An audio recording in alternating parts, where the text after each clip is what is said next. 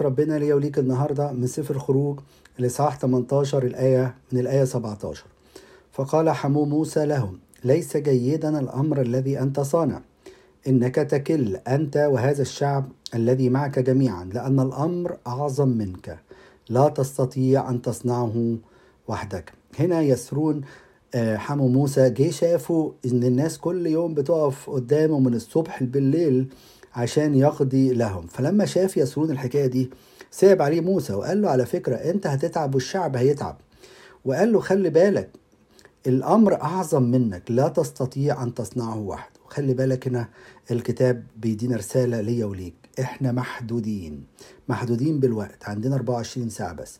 محدودين إن إحنا ما نقدرش نبقى موجودين في مكانين في وقت واحد. إحنا محدودين. إحنا محدودين في إمكانياتنا. محدودين في المواهب اللي ربنا مديها لنا. مفيش حد عنده كل المواهب. مفيش حد عنده كل الإمكانيات. فابتدى بقى يسرون يقول له يقول له فكرة جميلة جدا. قال له قال له أنا اسمع كلامي بقى فأنصحك. فليكن الله معك.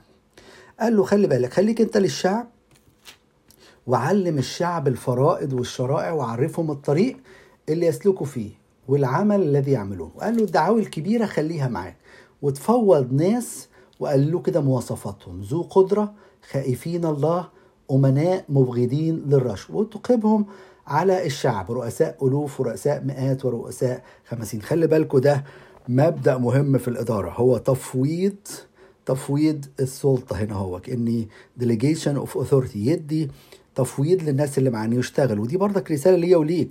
ما تعملش كل حاجة لوحدك. ما تعملش كل حاجة في البيت لوحدك.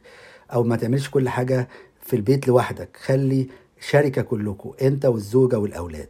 آمين.